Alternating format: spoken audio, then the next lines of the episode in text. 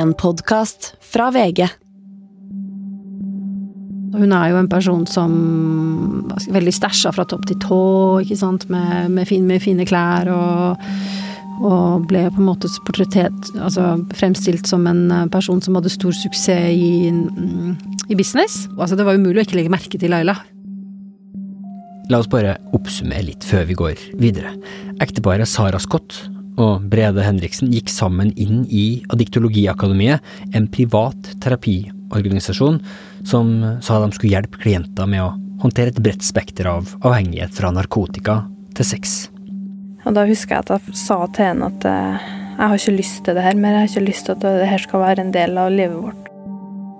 Da Sara begynte å bli skeptisk til akademiet, så snudde ektemannen Brede seg mot henne, etter det han sjøl beskriver som et stort press fra organisasjonen og de to ledende skikkelsene, grunnleggeren Espen Andresen og hans høyre hånd, Laila Mjeldheim. Mjeldheim var arbeidende styreleder i Det Norske Kartselskapet, et selskap som etter hvert så godt som bare ansatte folk som var under adiktologiterapi. For å forstå hvorfor kampen mellom aktive og avhoppa adiktologer kunne ende opp med å bli så intens som den til slutt ble, så kan det være en god idé å forstå den her tilsynelatende kjedelige bedriften. Derfor så skal vi i denne episoden la Brede og Saras drama hvile litt, mens vi dykker inn i historien om det norske kartselskapet. Når vi da fikk høre at noen av de folkene som jobbet der, var påtvungen å gå i i terapi. Når vi til og med fikk høre at, eh, at det var, kunne være trekk i lønningen deres fordi at de skulle få en eller annen sanksjon eller en straff når noe var galt, da ble liksom spørsmålet hva i, hva i alle dager er dette for noe? Hvem er det som, som, går med på dette? Hvem er det som vil være med? Hva, hva er det som skjer her?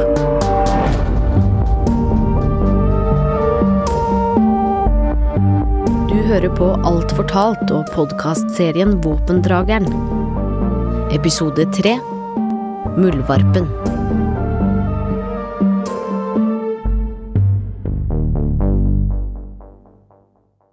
Kartselskapet det var det Laila, selskapet som Laila drev.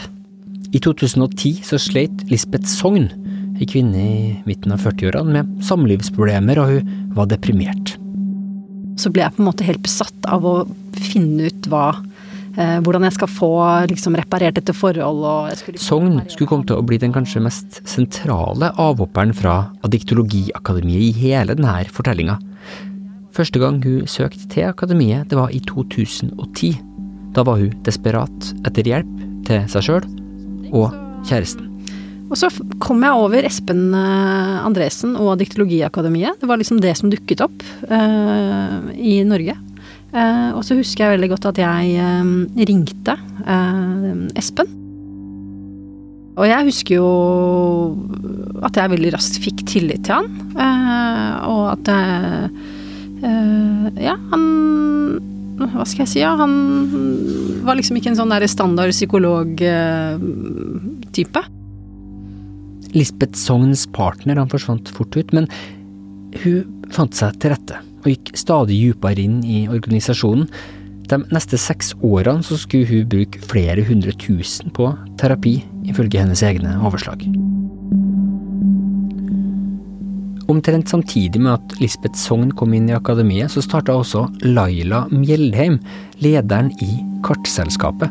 Hun er en person med en sterk historie. Seks måneder gammel så ble Laila Mjeldheim adoptert fra Montreal i Canada, og endte opp i Fettsund.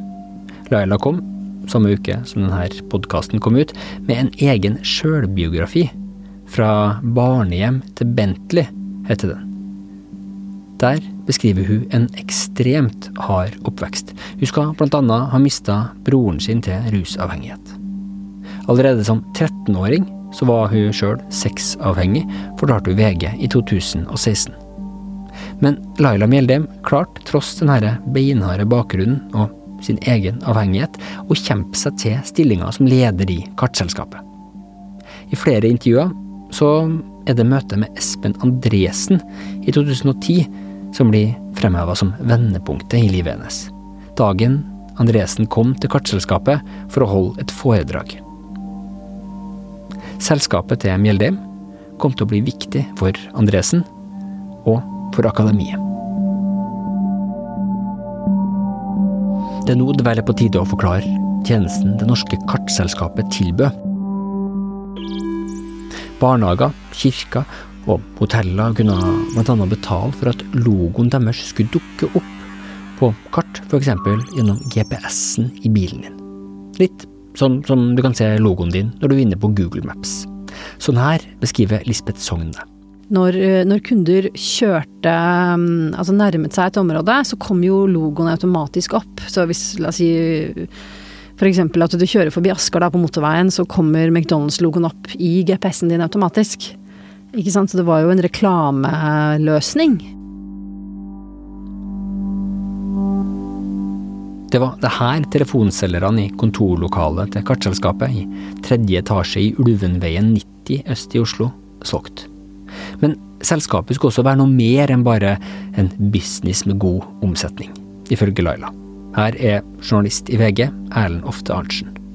I tillegg til å være en uh, telefonselgerbedrift som skal selge dette produktet da, til, uh, til, kommuner og, og bedrifter, så, uh, så, vil hun også at det skal være en annerledes og en spesiell arbeidsplass, hvor folk som trenger hjelp, skal få hjelp til å få skikk på livet sine gjennom et samarbeid da, med Espen Andresen og Addiktologiakademiet. Helt konkret så går det ut på at Eh, man i arbeidstiden skal kunne gå i gruppeterapi, og der dele om sine utfordringer og hemmeligheter eh, på ulike plan. Eh, men hvor liksom den, rød, den røde linjen er Altså stikkordet er avhengighet i en eller annen form, da.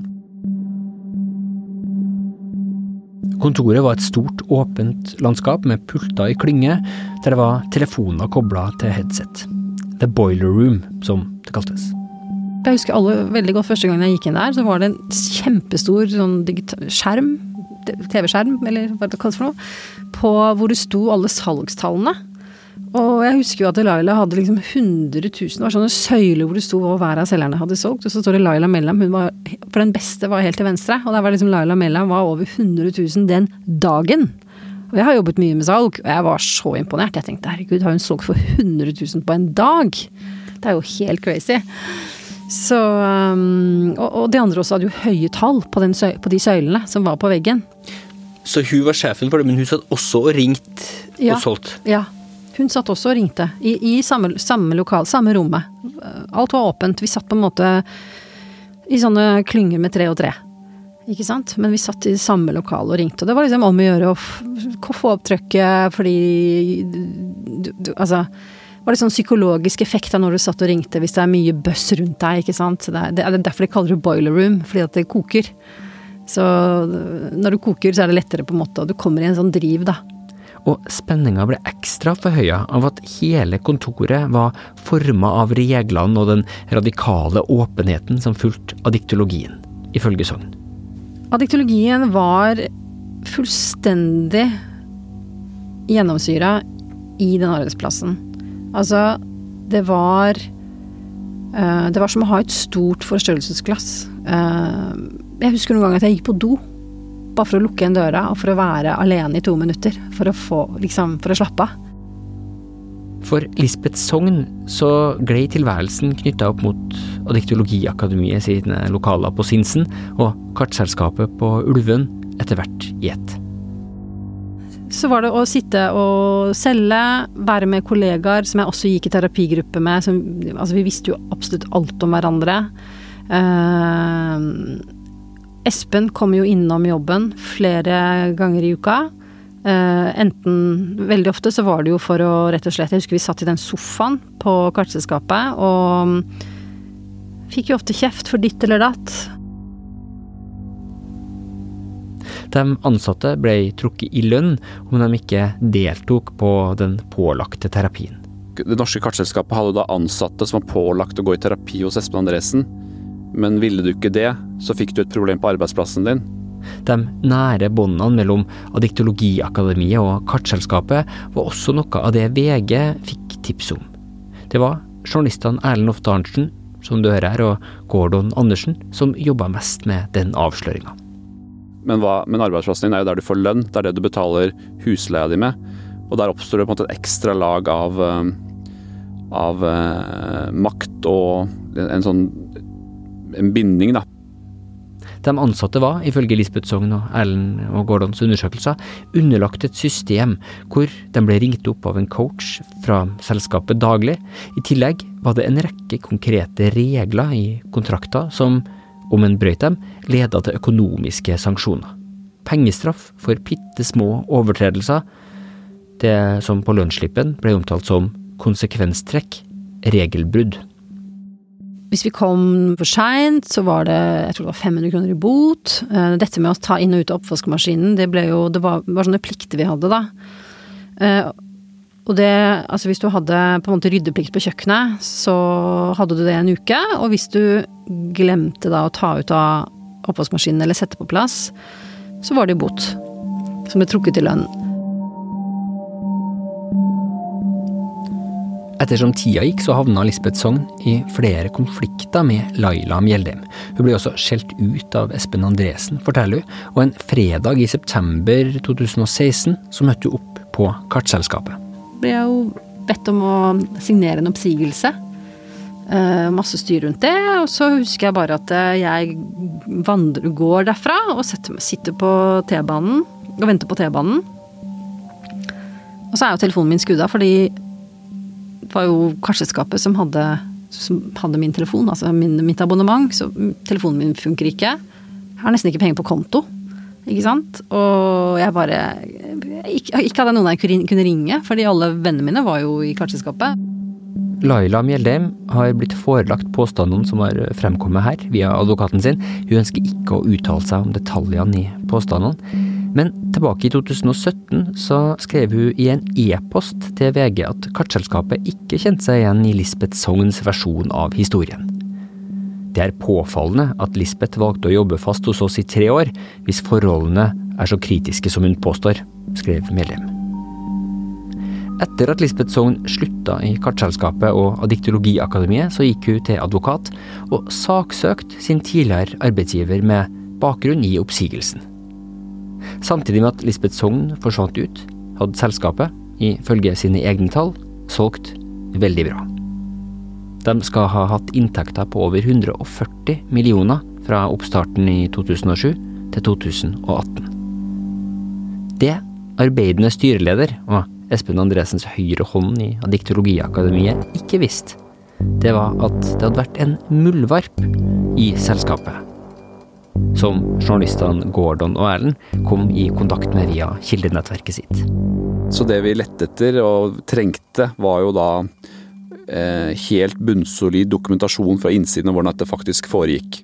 For Sturla han er jo den personen som, som faktisk har hjulpet oss å dokumentere arbeidsmetodene i kartselskapet. Journalistene Gordon og Erlend har du hørt gjennom hele denne podkastserien så langt. Journalistduoen har to svært forskjellige måter å arbeide på. Gordon, med hettegenser, skinnjakke, tydelig bergensdialekt og spisse støvler, er den som er best på kildekontakt og kontante intervjuer. Erlend, en lang og hengslete mann som bedriver langdistanseløping på fritida, er den som har mest kontroll på tekniske undersøkelsesmetoder, innsynsbegjæringer og stordataundersøkelser. De to angrepsmetodene skulle begge lønne seg da de begynte å undersøke kartselskapet. Gordon og Erlend klarte å finne frem til en mann som på eget initiativ hadde gjort skjulte opptak fra innsida av kartselskapet. Sturla Haugsgjerd. Jeg, jeg vil tippe at det er ikke én eneste kunde som har fått bruk for det de selger. Søppel. Ren søppel. Ingenting. Luft. Det sa Sturla Haugsgjerd i et intervju til VG i 2018. Tilbake i 2014 så sleit Haugsgjerd, en frilansjournalist som annet hadde jobba for NRK, med et rusproblem. Gjennom en samtalegruppe i Anonyme narkomane så kom han over addiktologiklienter. 32-åringen ble, ifølge han sjøl, nysgjerrig på hva som drev addiktologene, og bestemte seg for å bli en del av akademiet. I all hemmelighet så dokumenterte han det som skjedde på innsida. Da han etter hvert ble tilbudt en jobb i kartselskapet gjennom akademiet, så gjorde han skjulte opptak. Han var med på begge deler, og bedrev en periode en slags form for wallruffing, eller sånn at han var en slags journalist under cover, eller forfatter under cover. Det Sturla viste dem, var hvordan han i selskapet hadde blitt lært opp til å lure dem han solgte tjenester til. Med eh, opplæringssjefens egen ord så vil jeg beskrive metoden som å selge på som om. Sturla igjen i intervjuet med VG i 2018. Man manipulerer kunden eh, til å tro at de allerede er en kunde, og gir dem på en måte et tilbud om å slutte å være en kunde ved å bare betale den siste faktura. Her er et av de skjulte opptakene Sturla ga til VG av opplæringa han fikk av en ansatt i kartselskapet på hvordan han skulle selge kartløsningene. Jeg ser det at dere hadde et prøveår i fjor. Og da hadde de ikke egentlig prøveår? Nei da, men de Å ja, sier de da. Men det er ikke noe ulovlig i det? Nei, nei, nei, det er jo ingenting som er ulovlig. Sier bare dere hadde et prøveår i fjor. Eh, og da lå dere inne med det adressestøket, og da hadde dere alle tjenestene våre uten å betale for det. Mm. sier jeg. Det er jo ikke noe de gidder å sjekke opp. Da. De tenker bare, å fint. Det er jo hvit løgn, bare. Ja, ikke sant. Jeg har, fått, eh, jeg, liksom, jeg har jo fått et år uten å betale for det med alle tjenestene. Mm. Og så sier jeg det at eh, Men nå i 2015 så det, er det en oppdatering i forhold til kart og GPS. For det prøver er ikke en faktisk tjeneste man kan Nei, nei, nei. Det er bare noe man sier Det er bare noe jeg sier for oss å liksom få det korrekt. Okay. For ikke ljuge for kunden og for å liksom roe meg tilbake igjen. VG har vært i kontakt med kvinna som sto for coachinga av Haugsgjerd. Hun ønsker ikke å kommentere saken. Det var jo da å rekruttere personer med rusbakgrunn, eh, men som ble opplært da til å manipulere norske kommuner, barnehager, gamlehjem og private bedrifter eh, til å kjøpe noe de ikke hadde behov for. Vi ble lært opp til å svindle kundene fra dag én. Jeg fikk en veldig vond smak i munnen når jeg gikk hjem fra jobb og tenkte på at jeg hadde lurt en stakkars kirke på, utenfor Bergen til å kjøpe en Google Maps til 3900 kroner som ikke har noe som helst verdi. Kartselskapet hadde altså ifølge selskapet sjøl ei samla inntekt i 100-millionersklassen. De ansatte var, frem til bedrifta i 2018 gikk bort fra det, pålagt å gå i terapi i Adiktologiakademiet. Og Espen Andresen ble leid inn som terapeut til selskapet. Kartselskapet var derfor en sentral del av Adiktologiakademiet sin økonomi. Men ifølge påtalemyndigheten og politiet så har kartselskapet bedrevet et grovt bedrageri på 62 millioner kroner. Hun nekter for bedrageri. Det her er Laila Mjeldheim og Espen Andresens advokat Øystein Storvik. Hun nekter straffskyld, og det, der er vi innstilt på å forsvare oss. Så, så det, der får jo se hva retten bestemmer seg for til slutt. I april 2018 så gikk Mjeldheim litt lenger i en e-post til VG. Der skriver hun jeg tar sterk avstand fra den type salgsmetoder som opptaket etterlater inntrykk av at finner sted ved DNKS. Det er ikke riktig at selgere i DNKS blir opplært i metoder eller teknikker for å manipulere kundene, slik det insinueres av VG, skrev hun. Rettssaken mot Mjeldheim og kartselskapet den starter i begynnelsen av mars 2021. Lisbeth Sogn, som altså jobba i kartselskapet før hun endte opp med å saksøke Mjeldheim i 2017, synes det er vanskelig å sette fingeren på akkurat når hun begynte å tenke selskapet som en svindel. Det var liksom ting som skurra litt her, og ting som skurra litt der. Og det som omsalget, det ble på en måte altså Man blir på en måte litt sånn påvirka av omgivelsene og kollegaer og venner, og det ble på en måte så bagatellisert. Eh, og så var det så om å gjøre å selge eh, Ja, det var liksom litt sånn for en, for en good cause, for å si det sånn, da. Sogn husker annet når en av de andre diktologene i kartselskapet, en Bjørn Ivar Nordstrøm, prøvde å stille noen kritiske spørsmål ved hvordan de forholdt seg til kundene.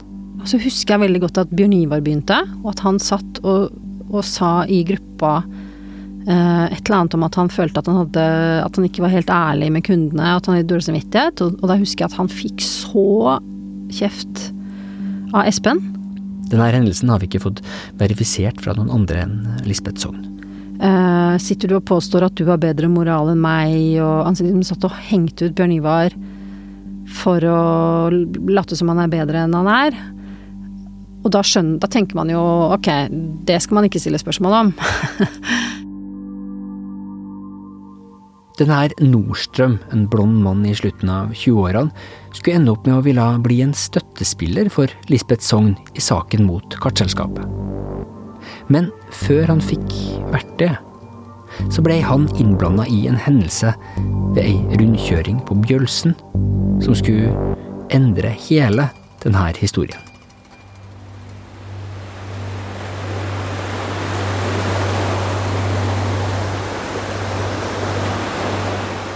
Samtidig som presset fra avhoppere fra Kartselskapet og Adiktologiakademiet økte, så ble tilværelsen på innsida av akademiet enda mer ekstrem for det tidligere ekteparet Sara Scott og Brede Henriksen.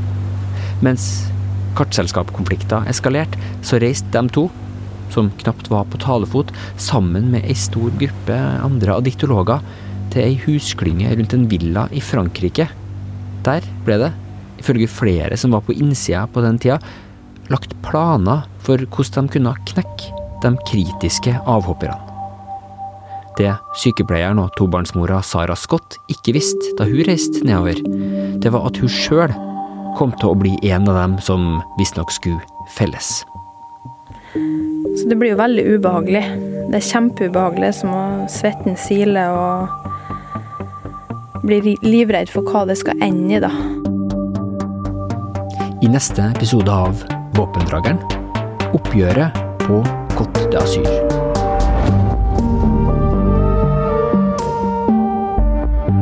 Alle sakene mot Espen Andresen og Adiktologiakademiet har blitt henlagt av politiet. Politiets begrunnelse har flere ganger vært bevisets stilling. Og saken mot Kartselskapet starta altså i begynnelsen av mars 2021. Alt fortalt-serien Våpendrageren er laga av Emilie Halltorp og meg, Askild Matre Aasare.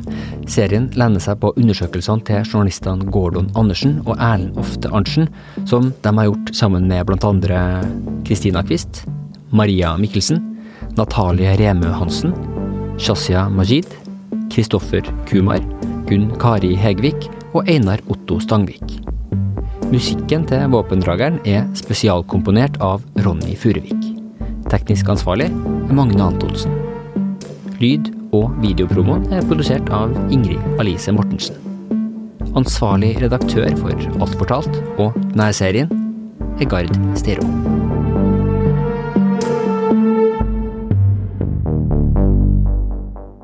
Du har hørt en podkast fra VG.